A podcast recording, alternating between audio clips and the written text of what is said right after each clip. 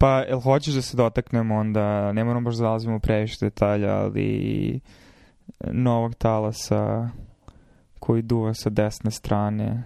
novog vetra koji duva s desna u, u Italiji. da, talasi ne duvaju. Ali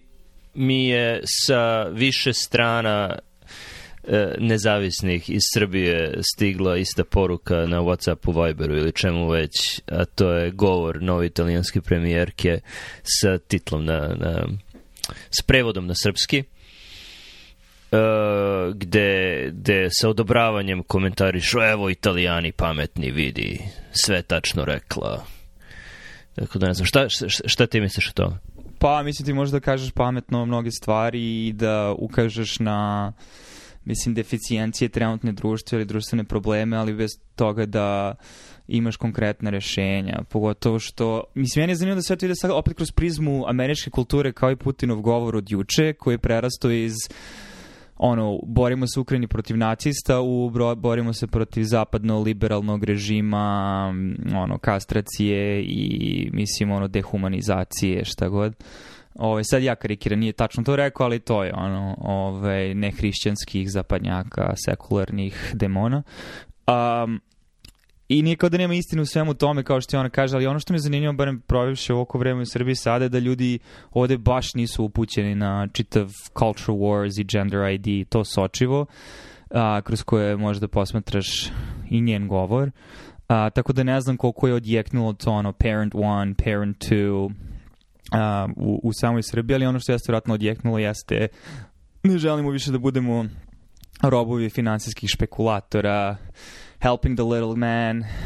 i sve to, ali mi je malo to malo kontradiktorno kada onda u februaru si bila na CPAC-u i pričala o tome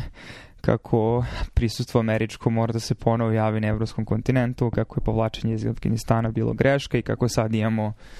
ovaj, Putina koji se razar, ra, raz, tako da, da kažem, ne delo mi koliko je ono, um, mislim ono, ono je anti-establishment, verovatno koliko je Trump i anti-establishment, um, ali on, vreme će pokazati. Ko je tvoj utisak? Da, mislim da je tipičan primer relativno tačne dijagnoze i mislim ne baš ni neke terapije. Mislim ne vidim da je bilo kakva terapija preporučena tu osim nejasnog e, evo vidite šta nam rade, moramo da smo protiv njih kogod oni pod navodnicima bili i bez naročitog opisa šta, čime se kako, kako si protiv toga. Tako da je možeš da se složiš sa nekim stvarima po pitanju e, smanjenog identiteta zapada, veliko Z zapada, gde su stvari postale amorfne od toga čime se baviš, ljudi više nemaju neka određena zanimanja, čast izuzecima, već lelujaju iz jedne firme u drugu gde se bave nekim uslužnim delatnostima koje su online, koji su uglavnom bijas poslovi. Uh, pa sve do ono roda pola ili koje već odgovarajuća reč, da li si muško ili žensko ili nešto između i da li si uh,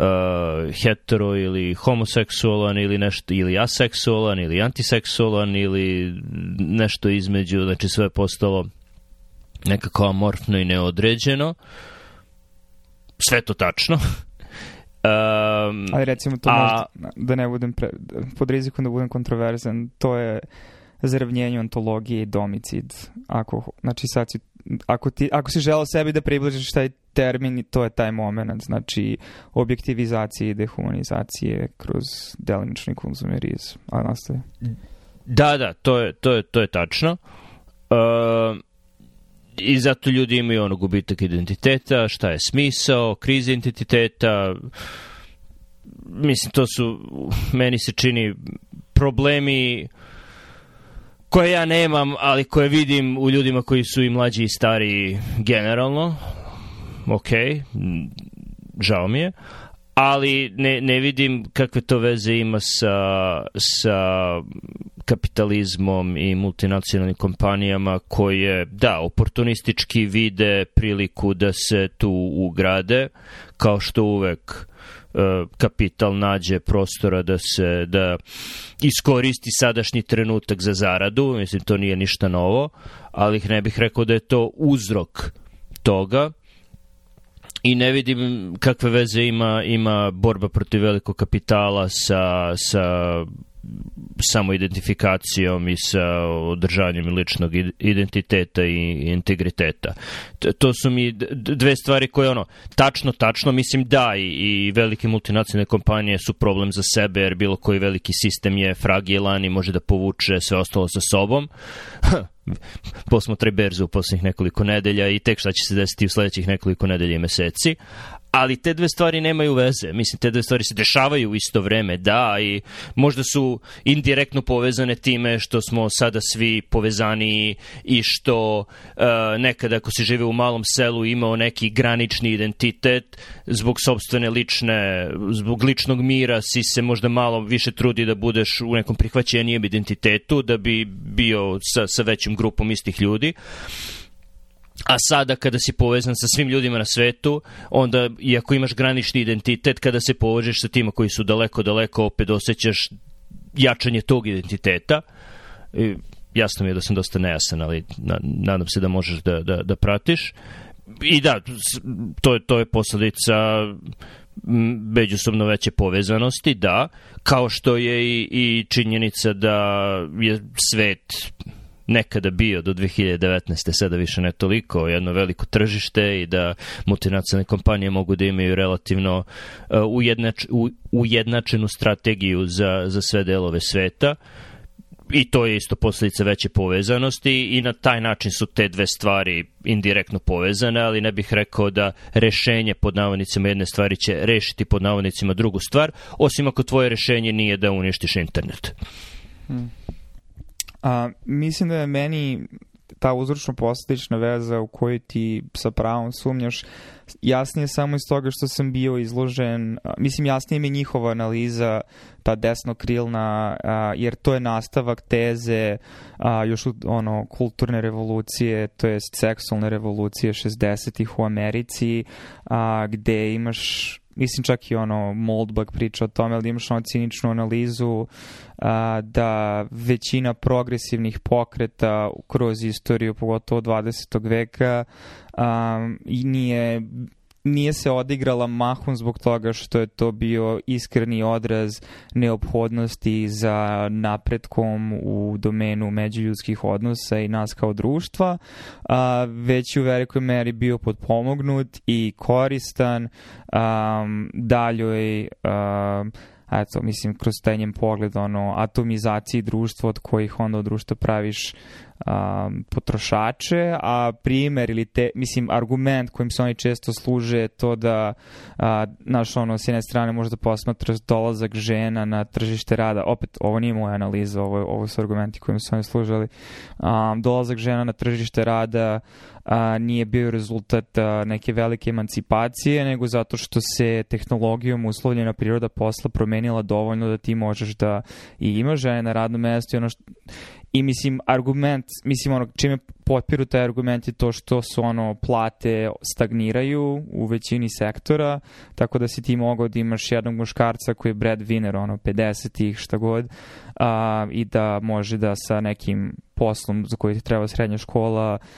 izdržava celu porodicu, da deca idu u školu, da imaju auto, da imaju kuću, ono, chicken in every oven, car in every garage, šta god um, i da u stvari dolaskom žena na tržište rade si napravi situaciju da si jednostavno povećao pool ljudi koji korporacijama dostupan za eksploataciju, um, a samim tim uh, nisi na neki način, mislim, rešio neke suštinske probleme, da je to samo, taj progres je samo maska za sve to i onda mislim da dalje sada teza ovih novih poznacima navoda progresivnih momenta je uh, slična analiza u smislu uh, da daljom atomizacijom društva kroz razaranje nekih tekovina poput ono nuklearne porodice ili porodice kao takve, identiteta koji je vezan za tvoj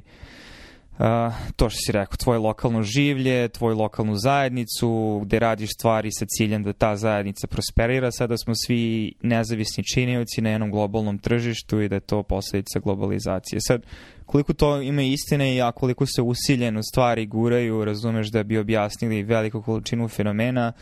je upitno, ali mislim da odatle dolaze i to kad rezonira sa krugujemo ljudi koji su već neko vreme opredeljeni ka desnom krilu, mislim da je to čitava ideja. Što opet meni malo paradoksalno, isto vreme uh, ti right wing ljudi, mislim, znaš, ono, ko finansira, mislim, sve te pokrete, mislim, sad imaš ovo novu desnicu sa Peterom Tillom u Americi, imaš Koch Brothers, znači, to je, vrlo je sve to onako, neki način, opet možda imaš ciničnu analizu, da, ali opet pare dolaze od bogatih elita koji opet zarađuju na svemu tome i, znaš, hoćeš da spasiš malog čovjeka isto kao i Trump, mislim, to je, ono, ideja, ideologija, a u stvari u praksi pokažeš da radiš ono suprotno. Dobro, da ne ispadne sada da, da ti zastupaš taj argument koji si upravo izneo, da ja pričam, pro, pričam protiv toga, kaži ti koje su rupe u toj priči o, o atomizaciji društva i da su prava žena, naš se vjerojatno misli 60-ih i seksualna revolucija, da su one bile, um, u, da je svrha toga bila, bila proširenje tržišta rada i, i veći pul ljudi koje možeš da eksploatišeš. Pa zato što to su međuzavisne stvari koje, mislim, koje ja su među među zavisne, ali nisu neophodno striktno uzročno posledično povezane, jer mislim analiza koju možda pogledaš iz malo šire konteksta opet se osanja na ono meaning crisis i Vervekovu analizu koja ona ima vuče još od 19. veka korene sa a, rastakanjem a, e, religioznog života i svođenjem njega na nepostojeći usled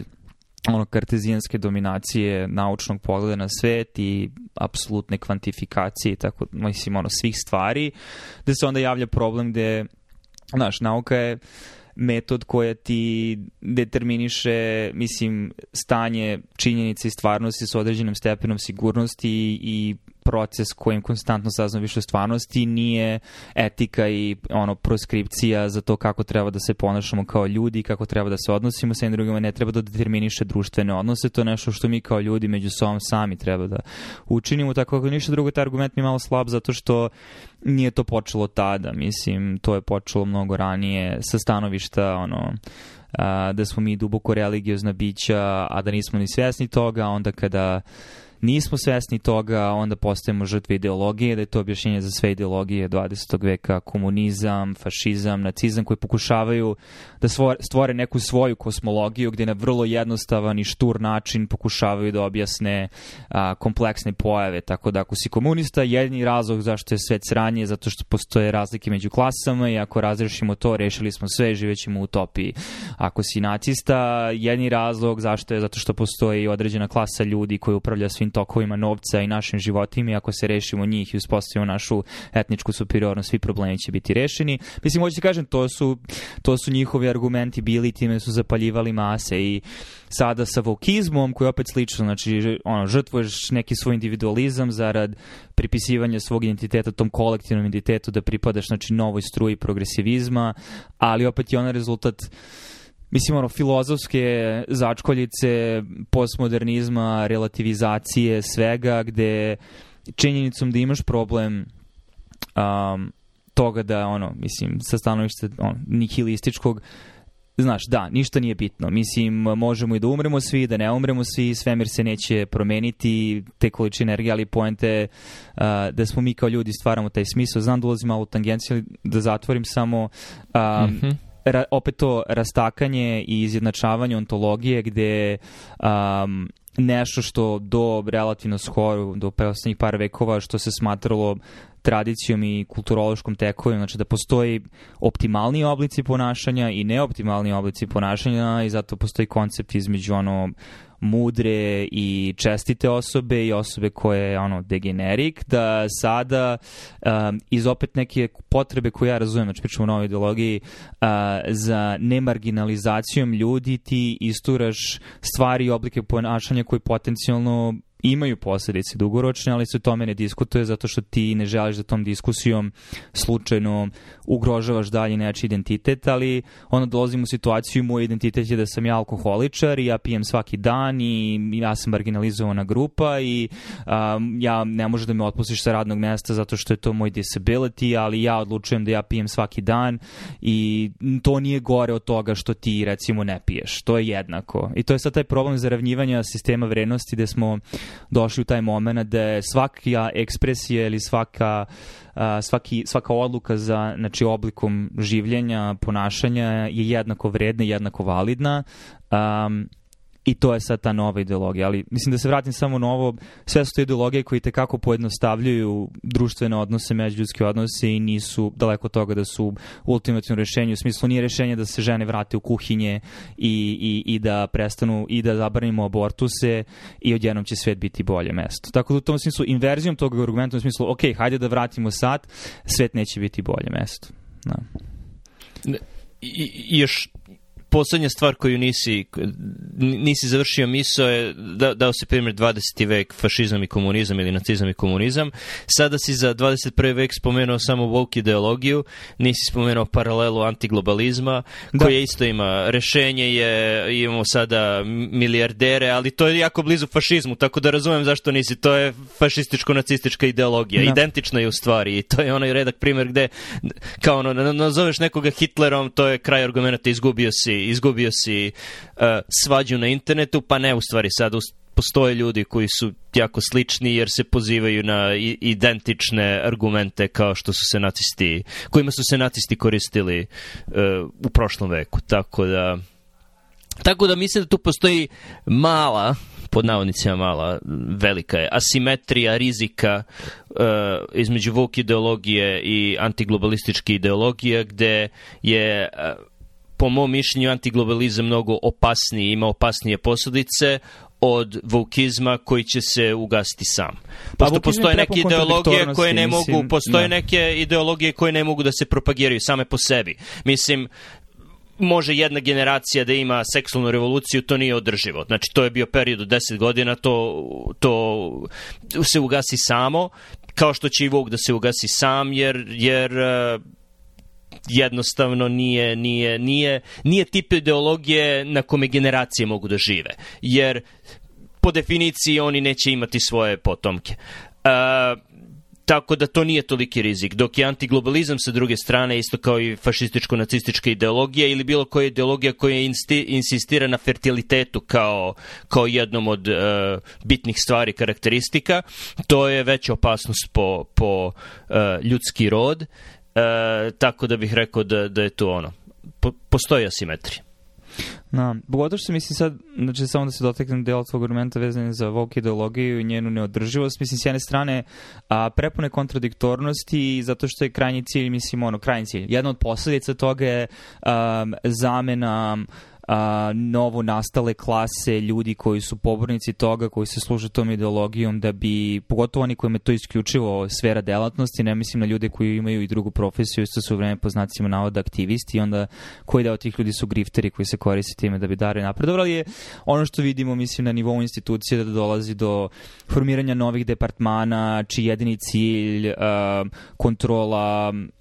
mislim kontrola, kontrola je možda prejaka reč i onda si upadaš u zamku da te neko ono karakteriše rekao, ne znam kako, ali jednostavno održavanje uh, tekovina te ideologije kroz različite programe u sklopu radionica, ne znam, naš, e, na, produžavanje te, te vrste indoktrinacije, ali ne samo da nije ono e, kompatibilan sa održivošću u smislu tog fertiliteta, nego nije ni ekonomski kompatibilan. Znači, to je ideologija koju a, e, bogata društva sebi mogu da priušte, koji dalje imaju surplus vrednosti, gde ne znaju gde će da uglave gomilu ljudi u ekonomiji, jer imamo gomilu bullshit jobova. Višak vrednosti.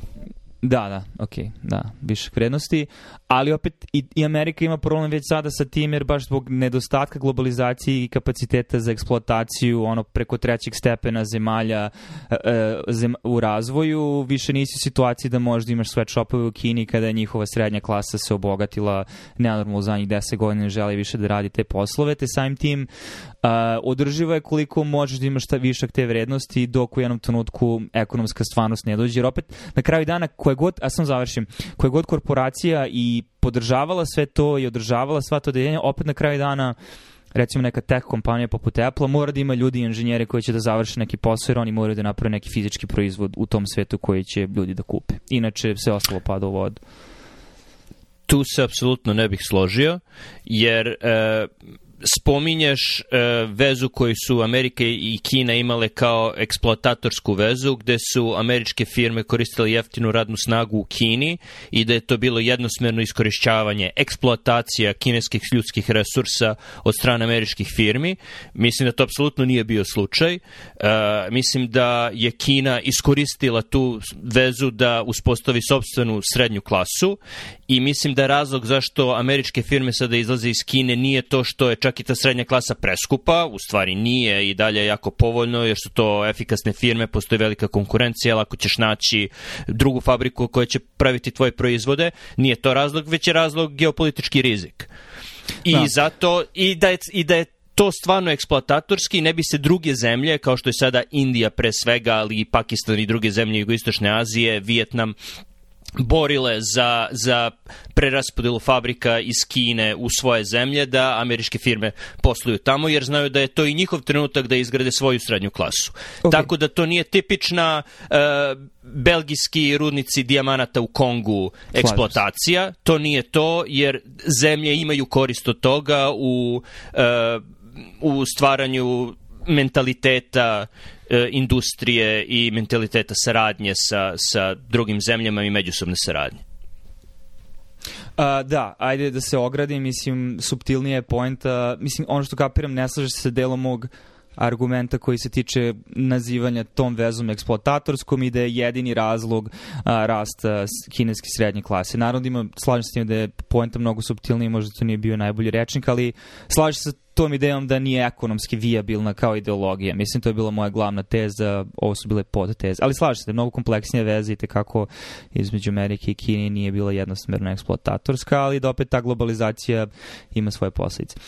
Um, Druga stvar koju sam teo samo da se dotaknem, koju si spomenuo, a to je, ono, kad si rekao, rizik vezan za antiglobalistički pokret u, ono, koji,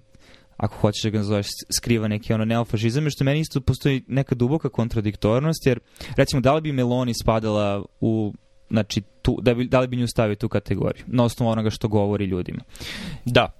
ali onda u isto vrijeme neko ko jako podržava NATO i prisustvo NATO-a u zema, zemljama Evrope i ideš na CPAC u februaru ove godine i kako je onda to kompatibilno sa time da ono svoje nećemo, to jest tuđe nećemo, svoje ne damo, a, okrenimo se porodici, nama Italijanima, ali hajde da nas Amerikanci brane od Rusa i da nastavljamo, znači, znači meni to i taj antiglobalistički, hoću kažem, već ima onog okrnjenost i neku fragilnost suštinsku koja opet nije kompatibilna sa društvom kako im on jeste sada, a svo to vraćanje na tradiciju, na te neke vrednosti, uh, isto na neki način ono ne možeš da ono vratiš duha nazad u bocu znači tu smo gde jesmo ne možemo svi da budemo ponovo hrišćani ne možemo da vratimo seksualnu revoluciju ne možemo da zabranimo abortuse ne možemo da zabranimo kontracepciju mislim ni ne treba ali hoću da kažem ono što treba da odlučimo je sa ovim tehnologijama koje posjedujemo u ovakvom društvu u kojem jesmo koji je najoptimalniji način za, za života ovo sve mi dela više kao ono površna, površni populizam opet gde se služiš vrlo strasnim jezikom koji uzbuđuje ljude ali na kraju dana ne rešavaš taj problem. Hm. Zanimljivo je što si spomenuo svoje ambivalentne osjećanje, jer mislim da, ne optužujem te ni za šta, ali mislim da je još jedan razlog zašto je antiglobalizam opasniji od vukizma je što uh, u većini ljudi ne čuči mala woke osoba koja se u suštini slaže sa onima što priča i, i e, prećutno odobrava stvari koje se dešavaju, šta više, Vuk ideologija je potpuno suprotna ljudskoj prirodi, generalno a, i tako na neki način napredna pod navodnicima, dok isto se ne bi moglo reći za antiglobalističku, neofašističku ideologiju, gde kad čuješ neke stvari, pritajno možeš da kažeš, pa da, u stvari, ovo što je rekla, ne treba, e, treba evropljani da izađu iz Afrike, nismo mi protiv toga da, nismo mi za to da Afrikance isteramo iz Evrope, nego evropljane iz Afrike i takve stvari i ti možeš kao da klimaš glavom, da, da, u stvari, a u stvari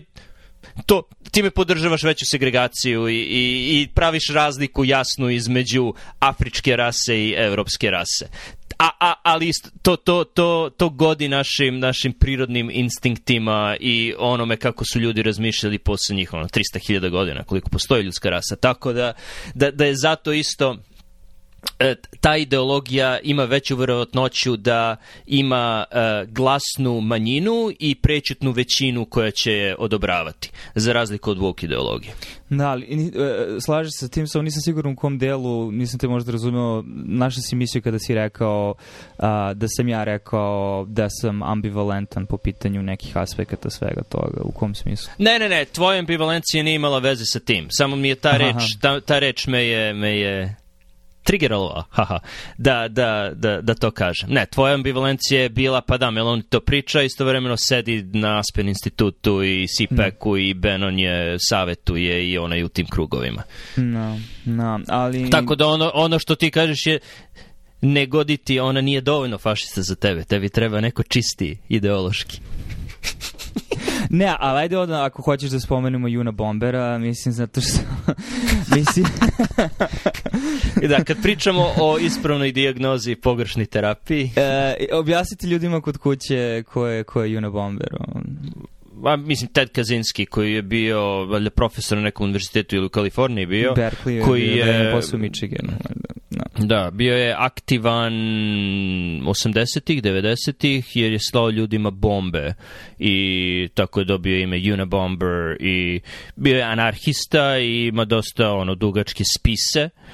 e, i dok je bio u svojoj kolibi negde u divljini off the grid, van mreže, gde stvarno žive ono što je pisao, za razliku od drugih ljudi koji su pisali iz svojih koliba dok im je mama donosila e, ručak i večeru, mislim na ono, Walden uh, ovaj, Emersona. Walden Ponding. Walden Ponding, da. Mala digresija. Ali on je, on je a, bio anarhista koji je slao ljudima bombe i onda su ga uhvatili i sada je još uvek živ u zatvoru, zatvoru i piše. služi 15 da. ono konsekutivnih zaredom a, doživotnih kazni. Da. I troja ljudi je umrlo od tih bombi, znači a desetine je povređeno.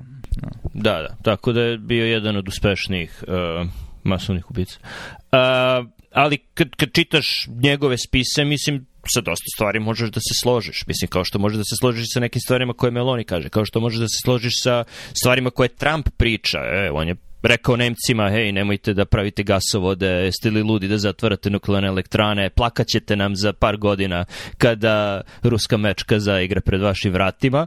i, i onda su za vreme tog njegovog govora u Ujedinim nacijama ruski, ovi nemački zvaničnici prevrtali očima, vidiš kameru, oni prevrći oči i no. Da. smeju se. Znači, za većinu tih stvari možeš da postaviš tačnu dijagnozu, ali možeš potpuno pogrešne stvari da radiš, tipa da šalješ ljudima bombe poštom i da ubijaš ljude. Da, ali ajde samo da malo pojasnim, mislim, rekao si anarhista, ali mislim čitava ideja koja stoji za njega, mislim njegovog dela je vezana za uh, a, neraskidivu vezu između ljudi i tehnološkog progresa ko, i on zastupa tezu da je to generalno loše po ljudsku vrstu i do, dovodi do sve opet veće atomizacije, a, dovodi do sve veće, veće dehumanizacije da na kraju je egzistencijalni rizik za ljudsku vrstu, jer ćemo zavrtiti stvari i tehnologije nad kojima nećemo imati kontrolu i bit ćemo moderni robovi. Ali specifično hoću se da odnesem na esej, jer je neko linkovo za to ovaj, vezano za ovu našu priču, a to je esej ono, The Systems Need a Strike, okačit ćemo ga, ali a, gde priča o mhm. tome da u modernim društvima znači poput našeg, uh, održavanje samog sistema uh, je, i to je sad, nije to sad ono gnostička zavera u smislu postoje ljudi gušteri, postoje jedna elita, znači to je mnogo sfere interesa različitih elita, različitih zemalja sa različitim kulturama i idejama o tome kako sve treba da izgleda, ali definitivno ljudi koji imaju veću moć nego ti i ja ili mislim ono prosečan glasač neke države,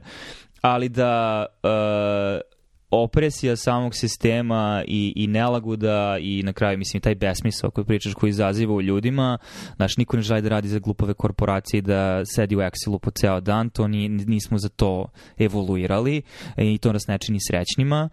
a neophodno ti da bi opstao, da većina tih nelagoda se onda kanališe kroz pobunjeničke pokrete koji upakuju tu energiju, dotaknu se nekih jasnih stvari vezanih za diagnostiku, kao što se Meloni dotiče, ali onda sama promena koja se dešava nije promena usled iskrene potrebe za poboljšanje sistema, nego promena koja je sistemu neophodna da bi on evoluirao u sledeću etapu usled, znači, dno novih tehnoloških a, tekovina koje su uslovile neophodnost evolucije samog sistema. Tipa sad smo idemo ka, znači, sad, sad stavljam, stavljam šešir od, od aluminijuma na, na glavu. Znaš, ali definitivno da je sada očiglednije nego pre da imamo jače i mnogo rasprostranjenije sisteme za a, praćenje svake individue i da si ti, znaš, nemaš novac u kešu, nego ti je novac u banci i tako dalje, tako dalje. Tako da definitivno postoje način na koji smo, znaš, kuće sada obični ljudi ne mogu da priušte sebi nigde na svetu i samo jedan mali deo populacije i sve manji i manji deo, u Srbiji mali deo populacije, u Americi nešto veće veći, ali opet sve manji i manji, ovaj,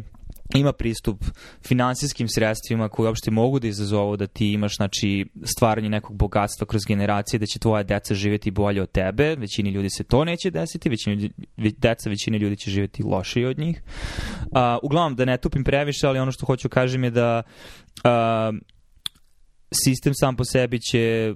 pod okriljem revolucije upgradeovati sebe na drugi nivo, a ovaj, iskoristit će tu energiju koja ono napeta i koja bi inače dovela do neke stvarne promene i to je taj sad mm. cinični pogled ono, suštini kako uopšte pristupiti rešenju tako nečega. No. Mm. I nije rešenje slati ljudima bombe da bi ih podsjetio koliko te sistem uništava.